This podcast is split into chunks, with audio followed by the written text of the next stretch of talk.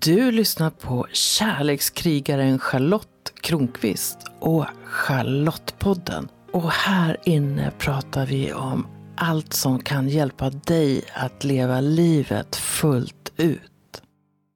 Jag undrar hur många gånger som det som jag kallar för min inre domare har varnat mig för att säga eller göra något min inre domare har en manlig gestalt. Jag hör en mans röst. Och jag förstår sedan länge att hans syfte, min inre domares syfte, är att skydda mig från smärta och därför varnar han mig när han tycker att jag gör något vågligt eller vådligt. Det är som att han skriker Låt bli att göra det, någon kan bli arg, någon kan skratta åt dig. Eller något annat som han betraktar som hemskt eller farligt eller olämpligt. Du kan ju tänka dig att jag som kärlekskrigare fortfarande får påhälsningar av honom Tänk att jag ger mig på att prata om något så pinsamt som sex och tantra. Jag är tacksam för att jag upptäckte den inre domaren och jag minns hur det hände. Den episoden berättar jag lite senare när jag läser ett avsnitt ur min ljudbok 100% Charlotte. Ta ditt inre ledarskap och det här kapitlet handlar om just den inre domaren. Ganska ofta frågar jag mina coachklienter om de tror på sina tankar. Jag frågar för jag rekommenderar att du inte gör det. Åtminstone inte oreflekterat. Dina tankar kan dels vara repetitiva Alltså de sägs om och om igen. En del säger att det är så mycket som 60-70% av tankarna vi har som bara återupprepas, som går som en slags loop i våra huvuden. Och dels kan tankarna bestå av något annat än din egen äkta röst. De tankar eller röster du hör kan exempelvis tillhöra den inre domaren. Och då är det bra att vara medveten om att det är den rösten som du hör som en tanke i huvudet. När jag exempelvis sitter i en coachsituation kan det ibland komma en tanke, en impuls. Det är något jag vill förmedla till klienten och så aktiveras plötsligt den inre domaren. Han ifrågasätter om jag verkligen ska förmedla min tanke till klienten. Tänk om du har fel? Tänk om din klient blir ledsen, arg, frustrerad, irriterad om du säger din tanke. Det är som att domaren viskar, säger eller skriker det till mig. Samtidigt finns intuitionen närvarande. Den del av mig som serverat tanken. Den som säger, bara säg det. Och ju mer jag litar på min intuition, desto friare blir jag i förhållande till den inre domaren. Det händer att jag öppet säger till klienten vad som händer inom mig. Nu är det något jag skulle vilja säga, men min inre domare varnar mig vill du ändå höra? Klienten brukar säga ja och ofta visar det sig att det min intuition vill ha sagt är klockrent. Och precis det klienten behöver höra just då. Så det är rätt så häftigt att lägga märke till den inre domaren och sen själv ta ställning till om jag ska följa domarens röst eller råd eller om jag ska lita på någon annan del av mig. Den intuitiva, impulsiva delen av mig. Det som kanske är mitt äkta jag. Sen jag för första gången verkligen hörde den inre domaren för mer än 20 år sedan har jag fått många insikter om hans roll. Fram till det ögonblicket så trodde jag att det var mina tankar. Och min slutsats är att den inre domaren förmodligen behövdes när jag var liten och växte upp. Jag var självklart beroende av andra. Och att vara mig själv helt fritt kunde få konsekvenser. Allvarliga konsekvenser. Så jag tror att domaren till en början gjorde gott eller gjorde vad jag behövde just då. Nu för tiden litar jag allt mer på mig själv och att jag kan möta människors eventuella reaktioner på det jag säger eller gör. Som jag ser det så ingår det i livet att ta risker, stora som små. Och jag behöver allt mer sällan det här inre regleringssystemet som håller mig tillbaka. Det är så jag ser på den inre domaren, som att han, hen, hon, den är en del av ett inre regleringssystem. Det är också intressant att lägga märke till när domaren börjar skrika i mitt inre. Alltså i vilka situationer han aktiveras. Vad är han rädd för? Eller vad är han rädd för att jag ska råka ut för när han tror att jag riskerar onödig smärta? När jag ser kärleksfullt på den inre domaren så kan jag se att han är en väldigt omhändertagande typ. Att han verkar utifrån vad han tycker är kärlek. Men han gör det ungefär som att jag fortfarande är ett mycket litet barn som inte kan fatta egna beslut eller åtminstone inte kan fatta smarta beslut som gör att jag slipper smärta. Det är så tydligt att han vill väl. Men skulle jag följa hans röst skulle jag inte ha någon möjlighet att vara en hundraprocentare. Jag skulle gissa att domaren skulle hålla sig lugn om jag håller mig på en 50-procentig nivå eller lägre. Då tror han att jag slipper utsätta mig för det han uppfattar som fara eller risk för smärta. Ibland när den inre domaren ger sig till känna Ibland när den inre domaren ger sig till känna så förstår jag att jag är på väg att expandera på något sätt.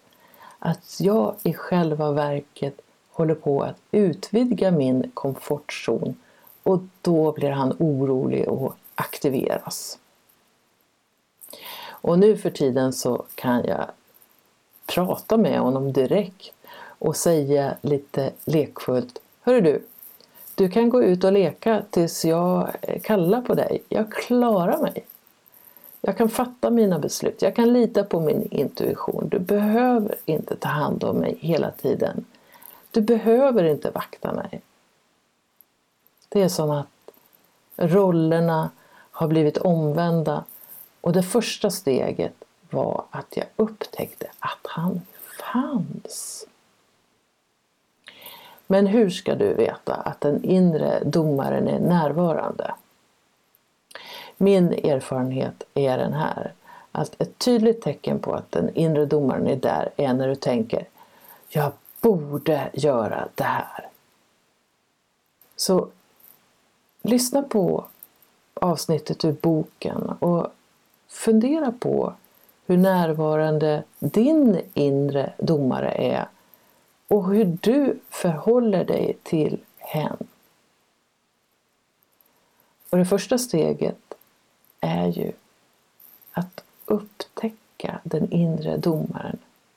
Du kanske inte har hunnit dit än. 8. Den inre domaren. Jag har en inre domare som dömer människor runt mig. Men domaren är hårdast mot mig och mina handlingar. Så länge jag var omedveten om den inre domaren och hans roll hade han stor makt och inflytande i mitt liv. Min inre domare har varit väldigt aktiv i mitt liv.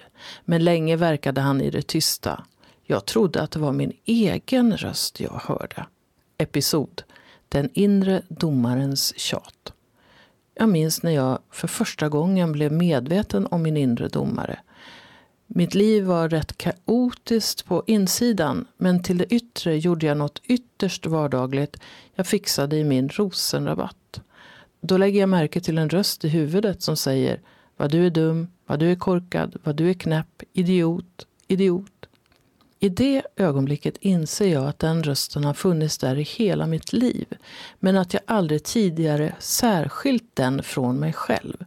Jag stannade upp mitt i rörelsen och säger var tyst, jag tänker inte lyssna på dig. Jag står som förlamad med sekatören i handen. Kanske faller det en tår, men troligen inte. Jag ser nog mest ut som en stenstod. Insikten går in i mig. Jag har tillåtit den rösten att trycka ner mig i åratal. Jag har tillåtit den att kalla mig för idiot hur länge som helst. Jag har trott att den har sagt sanningen. Det är på en och samma gång ångestladdat och befriande. Jag inser att jag nu har en möjlighet att själv välja. Min inre domare vill att jag ska slippa känna smärta. Men han börjar skrika högt i mitt öra ibland. Det är när jag säger saker som jag älskar att stå på scen. Hysch, det får du inte säga, det är farligt. Någon kan tro att du tror att du är något. Känner du också igen domarens röst? Det är rösten som gör allt vad den kan för att skydda mig från mig själv. Min inre domare har inte förstått att jag är vuxen och att jag klarar mig själv. Han behöver varken begränsa mig, ge mig dåligt samvete eller visa vad jag bör och inte bör göra. Han behöver inte ge mig skuldkänslor eller viska att jag skämmer ut mig.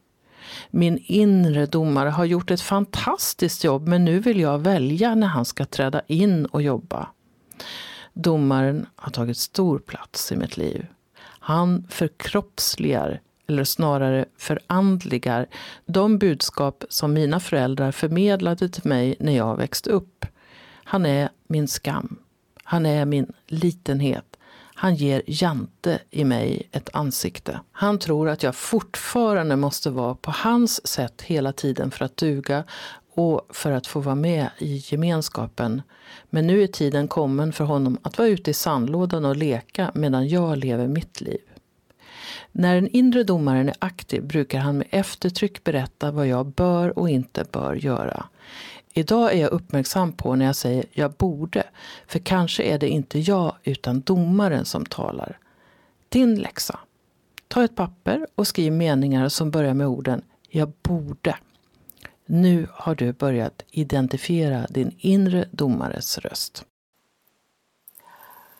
Ja, jag rekommenderar verkligen att du gör den där listan med vad din inre domare tycker att du borde göra. Bara skriv en lista oreflekterat och se vad som händer. Se hur lång listan är. Skriv tills energin tar slut. Och sen kan du titta på listan och fundera på, är det här verkligen sant? Du kanske inte bör någonting. Och fundera på vad som händer om du byter ordet borde mot jag vill eller jag är villig.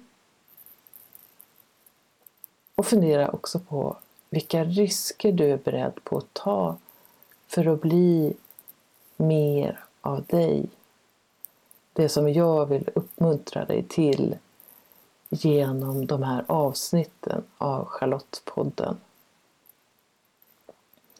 Du kan självklart köpa boken 100% Charlotte, ta ditt inre ledarskap. På min hemsida så finns boken som pappersbok och som e-bok. Och vill du höra mig läsa så får du vända dig till nätbokhandlarna. För av tekniska skäl så kan den inte ligga till försäljning på min hemsida.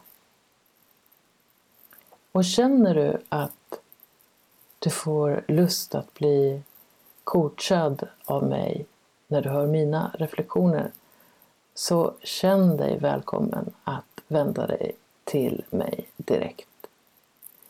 Du hittar mig på min hemsida charlottekronqvist.org Och kom ihåg att du är den viktigaste i ditt liv. Och vem ska styra ditt liv? Är det den inre domaren?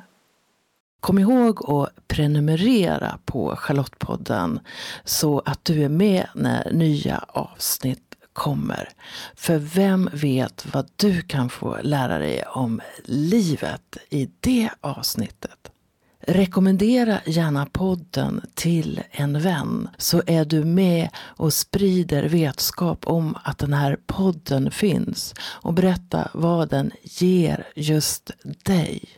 Jag skulle bli så glad om du också går in i din podcast-app och lämnar en kommentar eller skriver en recension av podden. Ju fler som gillar podden öppet, desto fler kommer också att hitta den.